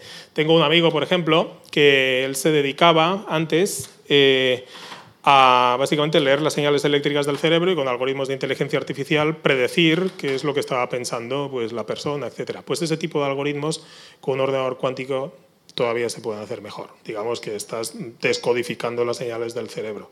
Y si se pueden hacer mejor con un ordenador cuántico, pues bueno, también es un poco indicación de que es que a lo mejor precisamente esta es la forma, si primero lo codifica el cerebro y luego lo descodificas así, pues es que a lo mejor es que, es que también va por ahí, ¿no? Pero bueno, a día de hoy está todo todavía muy verde y es un campo de investigación realmente pues, muy apasionante y en donde está todo todavía por, por descubrir. Hola, buenas tardes. Eh, dos preguntas. Eh, una, eh, has dicho que de la molécula hacia abajo tendríamos la escala cuántica con sus leyes. Y mi pregunta es, de la escala cuántica a la escala cotidiana que vemos en el día a día y tal, ¿esto es un continuo? ¿Es un flujo? ¿Cómo, cómo funciona eso? Bueno, déjame que vaya hacia atrás. y además me tengo que ir hacia atrás a toda velocidad. Bueno, ya habéis visto toda la presentación para atrás. Bien, aquí. No, bueno, un continuo. En realidad lo que pasa en el espacio es que la distancia pequeña, más pequeña que tiene sentido físico es la escala de Planck. La gente, por ejemplo, que hace una cosa que en física llamamos gravedad cuántica, está intentando entender cómo es la gravedad, ¿vale? Y la gravedad es la fuerza que hace que la Luna dé vueltas alrededor de la Tierra, ¿no? ¿Qué pasa a la escala del electrón? ¿Cómo es la gravedad de un electrón? Pues, pues no la conocemos, no lo sabemos, no sabemos cómo funciona esa escala. Sabemos cómo funciona para un planeta, pero no a la escala de un átomo, de un electrón. Realmente no sabemos cómo le afecta la gravedad. Entonces, ahí, a este tipo de escalas, pues bueno, la distancia es muy pequeña y realmente se puede considerar como algo discreto. Pero a medida que te vas hacia arriba, realmente lo puedes asumir como si fuese un continuo, porque es que estás tan lejos de la discretización del espacio que te impone la escala de Planck, que cuando estás de aquí para arriba, lo que ves es el continuo que vemos aquí todos los días. Entonces, del átomo, básicamente de la célula, de la célula para arriba, toda la física es clásica aunque es probable que para algún tipo de células incluso se pueda ver algún, algún, tipo de efecto cuántico, pero bueno, más o menos es a partir de ahí para arriba. Es desde la escala, más o menos, desde 10 a la menos 6 metros, que es 0,000001 metros, hacia arriba, la escala de un metro es una persona, y luego ya cuando nos vamos a escalas de planetas, galaxias, etcétera, pues eso también sigue siendo física clásica. y la, segunda pregunta era, eh, ¿se puede poner te he entendido, a ver si lo he entendido. Eh, un electrón, creo que has dicho electrón, que lo había hecho China, en una ciudad y otra, otro electrón en Viena, y parecía que había algún, eh, una información, un flujo ahí, ¿no? Sí. ¿Esto técnicamente cómo es posible? Sí, en, realidad, sí, en realidad lo hicieron con fotones, lo hicieron con partículas de luz. Lo hicieron con partículas de luz. O sea, la luz la de aquí, la de un láser, eh, no es más que en, física cuántica no es más que un chorro de partículas. Y las partículas que constituyen la luz son los fotones, ¿de acuerdo? Por esto le dieron el premio Nobel a Einstein, precisamente, porque le dio, bueno, a esa partícula, ese cuanto de energía, dijo, esto no es, no es simplemente un artilugio matemático, es una partícula, se llama fotón, ¿de acuerdo? Y tiene estas propiedades, tiene esta energía, esta velocidad, patatín y patatán, ¿no? Entonces, lo que hizo China fue mandar un satélite que emitía un fotón hacia Viena y otro fotón hacia Pekín. Y estos fotones estaban en un estado cuántico muy especial, un estado que básicamente es una descripción del sistema cuántico, un estado que se llama entrelazado, es decir, que había una correlación entre los dos. ¿Vale? La correlación se generó en el satélite, porque ahí estaban los dos fotones juntos cuando nacieron, y ahí se generó la correlación, y luego se mandó uno para allí y otro para allá, y esa correlación no decae con la distancia. Entonces podían estar todos los separados que ellos quisieran y seguían correlacionados. Entonces ahí se estableció lo que se dice un canal cuántico entre Pekín y Viena y eso lo usaron para hacer experimentos eh, pues entre las dos ciudades. Y realmente lo hicieron. Sí, sí. Y además lo hicieron, y además lo hicieron hace ya tres o cuatro años. O sea que hoy en día esto está ya bastante avanzado. Buenas tardes. Eh, muchas gracias por la, por la charla muy interesante. Eh, una pregunta, vamos a ver, eh, esto eh, bueno, va a, ayudar a desencriptar muchos, muchos temas. ¿no? no sé si hay una previsión del daño que pueda hacer a los sistemas actuales que, que hay, pues yo qué sé, de, a bancos, correos electrónicos, eh, blockchain, bitcoin, ese tipo de, cosas. Básicamente toda la criptografía que se estaba haciendo, mm, yo diría que antes del año 2000 se va a poder desencriptar. Y eso es un problema porque, claro, está todo almacenado. Y dices, bueno, ahora no la puedes encriptar, pero a lo mejor dentro de 50 años, pues sí. Y esto es, por ejemplo, lo que ha hecho China. China se dedica a almacenar todo, toda la información que está corriendo por Internet. Ellos la están guardando en sus servidores porque saben que ahora no la van a poder desencriptar, pero a lo mejor dentro de 20, 30 o 40 años, pues sí que van a poder y depende de lo que vean, pues es posible que tenga implicaciones, aunque haya pasado el tiempo, ¿de acuerdo? Entonces sí, eso es un problema y precisamente por eso ahora se está cambiando el estándar de criptografía. Se están buscando métodos de encriptación que sean robustos, es decir, que no se puedan desencriptar con un ordenador cuántico. El problema es que no hay ninguno que se haya encontrado que esté 100% verificado. Todo lo que se está proponiendo hasta ahora, pues bueno, básicamente todavía no se conoce un algoritmo cuántico que lo desencripte, pero eso no quiere decir que mm, alguien se levante pasado mañana, tenga una idea brillante y entonces hay que volver a cambiar todo, todo el protocolo, ¿de acuerdo? Ahora estamos un poco en esa fase, en encontrar los problemas lo más duros posibles para cambiar todo el estándar. Los que se utilizan hoy en día se supone que son robustos a ataques de computación cuántica, pero de nuevo esto no es 100% eh, fiable. Entonces, con todo el tema de las criptomonedas, esto también es muy interesante porque también, porque las criptomonedas están basadas en criptografía, entonces hay, depende del protocolo que usen, van a ser más robustas o no. Eh, entonces hay algunas criptomonedas que sí que dicen que tienen protocolos eh, que son resistentes a ataques de computación cuántica, pero esto no está 100% verificado. Pero, por ejemplo, lo que usa Ethereum o lo que usa Bitcoin, etcétera, todo esto eventualmente se va a poder descifrar. Sí. O sea, ahí va a haber un problema y habrá que cambiar el protocolo de las criptomonedas.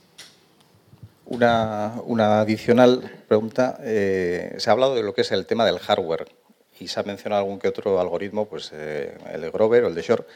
¿Hay aquí algún tipo de, no sé cómo decir, guerra soterrada en el que la gente se esté guardando algoritmos bajo, bajo manga o hasta qué punto es todo público? Y... Pues, pues esta es una buena. Pues eh, al principio era todo público, pero en cuanto esto empieza a ser eh, geoestratégicamente relevante y encima se vende en empresas, pues sí, aquí hay propiedad intelectual, propiedad privada, etcétera. Entonces, yo me puedo imaginar que hay algoritmos que desarrolle, pues yo qué sé, eh, la gente de Google que no quieran compartir precisamente, o, incluso los bancos, precisamente. Los bancos son consumidores de algoritmos para, para optimizar eh, sus recursos, etcétera, etcétera. Y eso no lo quieren compartir ellos, porque en el instante que lo comparten, pues tienen al competidor haciendo lo mismo, pierden la ventaja competitiva y tal. Entonces, sí, estoy convencido. Esto al principio no era así, pero ahora que se está poniendo el tema serio, es como con el software normal. Va a haber gente que tenga sus propias librerías de algoritmos y que no las compartan y que sean privadas, etcétera, etcétera. Bueno, yo tengo varias preguntas y alguna puntualización. Ha dicho de los milikelvin, que es como el, medio interestelar, pero el medio interestelar tiene como temperatura mínima 2,73 Kelvin, o sea, mil veces encima de ese nivel. Segundo, no entiendo cómo con, eh, el nitrógeno, nitrógeno, líquido se puede bajar a milikelvin. Hasta hace no muchos años hacía falta una demagnetización adiabática para eso. Sí, de hecho, igual ahí tendría que revisar mis referencias. y gracias por comentármelo, porque lo del espacio interestelar, yo creo que sí que leí que estaba alrededor de los milikelvin, pero esto depende. No, no, esto no puede ser cierto. Está alrededor de los 2,7. La radiación de fondo pues está a 2,73. Sí, bueno, pues todavía mil veces más pequeño que el que... de acuerdo, sí. Y luego eh, con el nitrógeno líquido se puede bajar hasta cierto punto y después se puede seguir bajando, ah, ¿de acuerdo? Con, otras técnicas. Sí, exacto, con otras técnicas. Pero básicamente se llega hasta los milikelvin. Sí. A mí lo que me ha fascinado es ver ese chip canadiense. Sí. Eh, y es esa temperatura ambiente. Eso, que sustituye, digamos, a una plataforma óptica. Sí, ¿Eso cómo es posible? ¿Cómo lo han utilizado todo. O sea, lo han, lo han integrado todo con fibra óptica ¿de acuerdo? Mm, ahí y realmente pues todo lo que viene a ser los espejos, eh, los prismas, etcétera, lo han conseguido fabricar pues, pues a esa escala. Realmente lo han conseguido lo han conseguido reducir a una escala pues, pues bueno. A nivel de hardware exactamente no entiendo cómo lo han hecho, pero bueno, sé que han estado un montón de años, han tenido un montón de inversión y al final han conseguido fabricar un chip así, es que es así. No, ya lo he visto. Sí, sí. Ah, creo que van por 10 o 12 ahora mismo. Sí. Ah. Bueno, otra cuestión es un poco más práctica. Es usted decía, mando el algoritmo y está pensando en, en, validarlo. ¿Cómo se valida eso? Y en algún sitio en la nube entrará en algún sitio y me, me moverán los guiones y será la computación. Pero claro, eso no se hace nunca gratis. Yo soy de la época en la que una hora de CPU costaba mil dólares en el MIT. O sea, ahora en estas máquinas costará todavía más. Bueno, más o menos ese es el orden de magnitud de lo que, de lo que cuesta. Sí. Te venden, normalmente el tiempo de cálculo de un, de un, de un algoritmo aquí cuando corre suele ser del orden de microsegundos. Entonces ellos te venden tiempo de cálculo y los órdenes de magnitud pues son más o menos estos que, estos que comentas. Depende del proveedor. Depende del proveedor. IBM, por ejemplo, es bastante caro, luego hay otras empresas que son un poco más baratas, etc. Pero lo que hacen es venderte tiempo de cálculo. Sí. Pues bueno, alrededor de, pues a ver, eh, es que es que esto, claro, depende del proveedor, pero bueno, esto iría al orden de magnitud de las decenas de miles de euros, seguramente, por varias horas de cálculo. Y esto te da para muchísimo tiempo, porque cada, cada algoritmo, cuando lo corres, al final pues, es del orden de microsegundos, lo que pasa que a lo mejor lo corres mil veces para hacer estadística y entonces te vas ahí a milisegundos. Pero bueno, eso lo puede, realmente da para mucho. Sí. Una hora de cálculo en un ordenador cuántico da para un montón. Sí. Bueno, la otra cuestión quizás eh, que es un poco fuera de lo que ha dicho, eh, en el laboratorio de CIRAC y en el Max Planck, ¿qué es lo que está pasando? ¿Cuántos, cuántos qubits consiguen y qué están haciendo? Pues, y, después que así a comparar, ustedes van muy sí. avanzados en otras cosas aquí, pero lo que no entiendo tampoco es por qué solo están con dos qubits. Sí, pues Cirac, Cirac en sí mismo, en su laboratorio, tiene cero qubits porque él hace teoría, pero, bueno, en, el de, sí, pero en el de su amigo, eh, ahí por ejemplo en Múnich, están con trampas de iones, ahora mismo están en 32. En 32. Sí. Esto lo están haciendo en Innsbruck y luego también en, Múnich también lo están intentando reproducir, pero con otro tipo de experimentos, pero ahora mismo están en 32. Y en Estados Unidos también eh, por ahí van, más o menos, entre, entre 20 y 32 están. Pero son, obviamente, pueden poner muchísimos átomos ahí en la trampa de iones, pero no los pueden controlar todos. Entonces, que puedan tener el control de todos y realmente hacer claro. operaciones están en 32. Claro, a mí lo que me fascinaría es entender cómo se controla uno de ellos. Es decir, cómo se controla. Cuando sí. llega el, el, comando que ustedes transforman en esa función que me ha explicado al final, sí. esa función, ¿qué hace? Para que ese ion haga algo. Es una rotación, o sea, realmente eh, tú matemáticamente es eh, el qubit es, es, un vector y lo que haces es girarlo, ¿de acuerdo? Entonces, matemáticamente, eso es matemáticamente, pero a nivel físico es un estado de dos niveles y lo que son los, en el caso de trampas de iones es el estado excitado o el estado no excitado del átomo. Y eso pues se puede manipular con un láser que te ataca el ion y te excita el electrón o te lo desexcita. Sí. Y eso se puede hacer uh, realmente dirigiendo los láseres uno a uno, directo, con la frecuencia de esa excitación al ion. Sí. Y ahí se pueden hacer operaciones arbitrarias realmente con ese, con ese sistema. Sí, sí. Bueno, perdona, una última. Eh, volviendo un poco al carácter estratégico de la necesidad eh, para que capilarice esto en oportunidades para la industria, eh, es necesario, yo creo que, desarrollar profesionales que tengan las competencias necesarias para utilizar esta tecnología.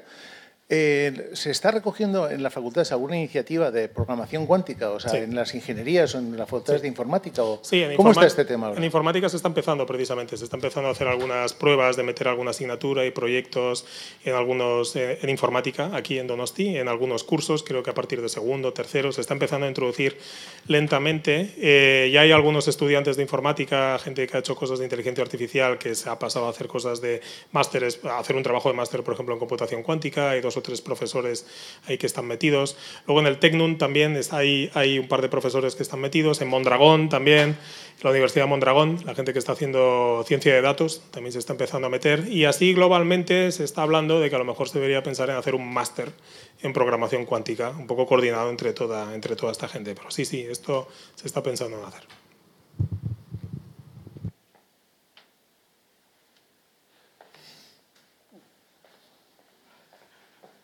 Bien, no tenemos prisa, ¿no?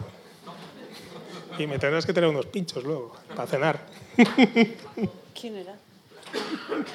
Sigo, para todos, sí. ¿Prisa dónde? Si estamos disfrutando aquí como enanos. Muy claro. eh, me ha surgido una, una, pregunta estratégica y luego una de mucho más abajo. Cuando has dicho que los algoritmos pueden llegar a ser secretos, eh, se me ha despertado una alerta. Significa que estamos en una eh, desventaja estratégica en Europa porque no podemos patentar algoritmos. Sin embargo, sí se puede hacer en Estados Unidos y en China, ni, vamos, ni lo uno ni lo otro, ni verde ni azul. ¿no? Sí, la respuesta es sí, estamos en desventaja. O sea que sí. en realidad lo que me has despertado es la, la, inquietud de que o cambiamos eso que ha sido muy positivo para Europa en los últimos años, o lo cambiamos o toda nuestra investigación es transparente. Sí, y yo no paro de decírselo a, no paramos de decírselo a la Unión Europea que realmente se tienen que tomar este tema en serio porque en Estados Unidos se están haciendo muchísimas patentes de algoritmos y tal y aquí es no es que no hayan, sí que se puede hacer, pero es realmente mucho más difícil patentar software, tiene que estar mucho más ligado a, a resolver un problema técnico, etcétera, etcétera. Y también los examinadores de patentes no tienen esa mentalidad. Aquí en Europa el tema de patentes está como muy enfocado a patentar máquinas de vapor, no, aquí, mientras que los americanos han dicho, bueno, aquí ya tiramos han evolucionado antes. En, en, Europa algoritmos sin dispositivo no es patentable. Es muy difícil, es muy difícil. Hay algunas cosas, pero, pero es muy complicado. Y eso nos pone en desventaja, porque claro, si las empresas aquí no pueden patentar y no tienen propiedad intelectual, eh, ¿qué van a hacer? No pu- No pueden competir. Y sin embargo en Estados Unidos sí, y ya está. O, o te vas la vía china y ni lo- Eh, ni y lo- todavía peor. Y la segunda pregunta ya es de, de más abajo. Eh, es, es una curiosidad. ¿Existe algún modelo de construcción física del dispositivo cuántico que utilice la probabilidad cuántica para la representación de información probabilística? Sí, sí, todos estos. Pero Todos. o sea, lo, lo que has planteado era de, de tipo spin o de tipo estado excitado. ¿Hay Sí. alguno que no sea tan, tan binario, que sea No, más... no, pero sí, o sea, es un estado excitado, es un spin, pero en realidad tú lo que tienes es un estado cuántico que tiene una probabilidad de estar excitado o no. Esto Vale. está, es intrínseco a todos. Y esa, esa es la razón de esa potencia de cálculo. Una de las razones, una de las razones. Hay más. Hay también, esa es una de las razones, que la computación cuántica es probabilística. Luego también que las correlaciones que puedes tener entre los distintos bits cuánticos pues no se pueden describir, simplemente no existen en computación tradicional, ¿vale? Es lo que se llama el entrelazamiento. Ah, Está todo el tema del paralelismo cuántico también, que tiene que ver con que puedas estar excitado y no excitado a la vez, que es una cosa muy rara, pero los átomos lo pueden, lo pueden hacer, ¿de acuerdo? O sea, es ese conjunto de cosas, cuando las pones todas juntas, que te dan la potencia. Pues te agradezco mucho la respuesta porque he estado bastante tiempo intentando determinar de, de divulgación y de algunas eh, páginas si realmente se, utiliza- se utilizaba toda la potencia de las leyes de la física cuántica o simplemente el excitar, no excitar, spin arriba, spin abajo y no. No, Gracias. no, realmente se usan las leyes, se usan todas las leyes de la física cuántica, todas, todas, todas, sin excepción. Sí.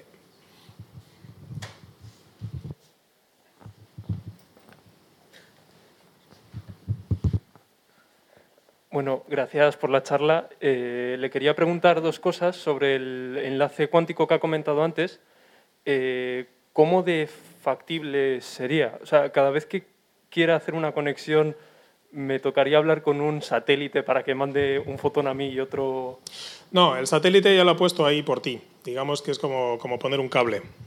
Eh, el satélite, lo que se está intentando hacer con, con esta historia del Internet cuántico es precisamente mandar muchos pares de fotones entrelazados de estos a distintas localidades, de forma que realmente se cree una red y esa red es un recurso, de forma que, en algún instante, yo sé, cuando alguien quiere hacer criptografía cuántica entre aquí y Barcelona, por poner un ejemplo, pues ya tienes el canal establecido, ¿vale? Si no está establecido, pues efectivamente tienes que llamar al proveedor o que alguien te ponga una fibra óptica o que venga un satélite y te mande un fotón o alguna cosa del estilo, sí. Y luego, claro, con este enlace cuántico sería una comunicación casi instantánea. No, no es, no es, no, no es comunicación. En realidad es, es una forma de crear una correlación entre, entre, los dos, entre los dos puntos, en este caso aquí Barcelona.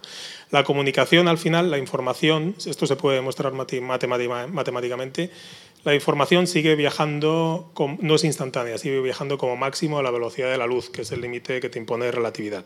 O sea, es muy antiintuitivo, da la sensación de que realmente hay algo ahí que se transmite más rápido que la velocidad de la luz, pero cuando te sientas, lo piensas formalmente, haces las matemáticas, ves que no, que lo que hay es en realidad una correlación y que la información en sí, al final, sigue viajando a la velocidad que viaja siempre. Lo que pasa que va con una correlación tan fuerte, ¿vale? Que te permite hacer la comunicación más segura. Ah, entonces, bueno, mi pregunta después de esta era que si se podría enlazar cuánticamente varias placas de qubits y hacer como un empalme de qubits. Sí, sí, eso es precisamente uno de eso es una de las cosas que se está intentando hacer para escalar. De hecho, déjame que avanzo para adelante. ¿eh? Eh, a ver dónde está. Eso es lo que han hecho en este experimento que comentaba aquí, que han conectado dos ordenadores cuánticos separados 400 metros en dos, en dos edificios distintos en Innsbruck. En este caso eran trampas de iones y esto es precisamente lo que se hizo con. Se tiró una fibra óptica, se mandó un fotón a una, a una trampa de iones, se mandó otro fotón a la otra, se entrelazaron entre los dos y los dos trabajaron como uno. Realmente era un ordenador cuántico coherente, pero separado en dos trozos. Sí. Y esto es una opción para escalar la tecnología. En lugar de hacer un ordenador cuántico de un millón de qubits, pues haz eh, mil ordenadores cuánticos de mil qubits y conéctalos entre ellos.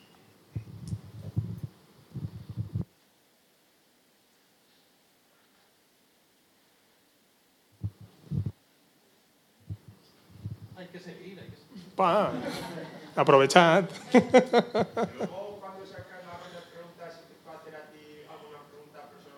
Pues venga.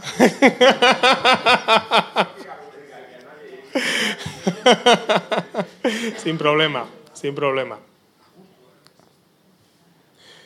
Preguntas, eh, provocaciones, eh, ruegos, correcciones, lo que queráis. No sé. Lo de preguntas público, ahora turno de preguntas privado. Estamos sacando partido, ¿no? Ya te digo. Ahí, otra.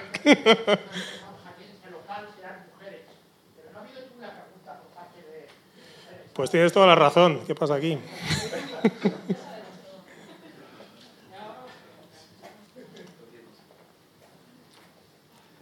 Bueno, yo porque no preguntaré más, porque es la ter- tercera vez que cojo el micrófono y me permito hacer una reflexión.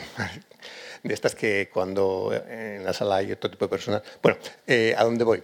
Eh, realmente, por lo que has dicho, estamos en un momento tremendamente atractivo. O sea, esto está en ebullición. Todavía queda todo por definir en el hardware. Sí. Los algoritmos, cuando has dicho habrá, bueno, cuando has dicho para este tema, este tema, yo estaba leyendo habrá, habrá y habrá. Porque ahora parece que hay pequeñas propuestas, algunos avances, o sea, todavía hay que descubrir el algoritmo. No se puede probar, luego todavía queda, hay que testarlo en la sala blanca, en la pizarra. Este es un momento de, de estudios, de carreras, de estudiantes, de, de tesis, de, mm, es maravillosamente atractivo. Es Sí, que da- a- a- da está- están pena. empezando a surgir las primeras aplicaciones de algunos algoritmos en el ámbito industrial. Es decir, en algunas cosas concretas se está empezando a hacer la transferencia a la industria. Muy concretas, ¿de acuerdo? Y eso es realmente muy, muy interesante, porque ahí sí que hay muchísimo todavía por descubrir, cómo mejorar esos algoritmos, cómo encontrar algoritmos que se adapten a las máquinas que tenemos hoy en día. Ese es el problema difícil, porque si a mí me das un ordenador cuántico de un millón de qubits, pues yo te puedo hacer cualquier cosa. Pero, ¿y si te doy uno que tiene 10 qubits y encima no acaban de funcionar bien? ¿Qué cosas útiles puedes hacer? Uh, hostia, pues ya no es tan fácil, ¿no? Entonces, eh, perdón por el taco. pero, pero realmente estamos en esa fase ahora en la que hay muchísima creatividad ahí y, y estamos intentando realmente buscar aplicaciones. Claro, pero en realidad si, si miramos la escala de tiempos que llevó desde las propuestas de Turing, no las previas, hasta las killer applications, la, la base de datos, la hoja de cálculo, los lenguajes de programación en tercera, cuarta y quinta generación, es que estamos hablando de escalas de 50 años y ahora estamos en el año cero de la computación cuántica. Me Sí. parece algo atractivo, enormemente atractivo. Y muchas gracias de nuevo por la conferencia. Hombre, hombre una, por fin, una mujer. Buenas tardes, muy interesante la charla. Yo lo que me pregunto es, eh, todo esto va para adelante, siempre funciona todo, que vamos hacia más. Y has hablado tú de muchos satélites, se habla mucho de la 5G, todo en función mm, de que mm, cada vez esto va más alimentado con la electricidad, con muchas funciones. ¿En qué nos afecta eso a los humanos? Sí. ¿Qué podéis decir al respecto? de Pues eso? eh, eso es muy gracias. interesante porque todo el, todo, claro, efectivamente, todo esto se alimenta con electricidad y esto gasta un montón de gigavatios hora y, y es un coste bestial. O sea, si para correr un ordenador cuántico que puede ser muy eficiente y todo lo que tú quieras necesitas tener una central nuclear al lado, pues no vamos bien, ¿no? La ventaja que tiene la computación cuántica es que además es más eficiente. Necesitas menos electricidad para correr un ordenador cuántico, por ejemplo, que para correr un- una granja de, de GPUs, por ejemplo, o un superordenador como los que, por ejemplo, tenemos en el DIPC ¿no? o en el Centro Nacional de Supercomputación o en donde sea. Y es más eficiente, gasta menos electricidad, gasta menos electricidad realmente. Y esto es por bueno, motivos fundamentales, porque la computación cuántica en sí es un modelo que, que de por sí disipa menos, ¿vale? Pero luego también porque, porque bueno, los elementos que necesitamos para fabricar esta, esta máquina, pues hombre, sí que gastan, gastan electricidad, pero cuando lo comparas con la capacidad de cálculo, en el fondo estás gastando menos que, que con un ordenador, con, con un clúster, digamos, con un superordenador tradicional. Es decir, en este sentido, no solo estamos ganando capacidad de cálculo, velocidad, precisión, etcétera, sino que encima estamos ahorrando energía. Es lo que la gente llama computación sostenible o algoritmos verdes. ¿no?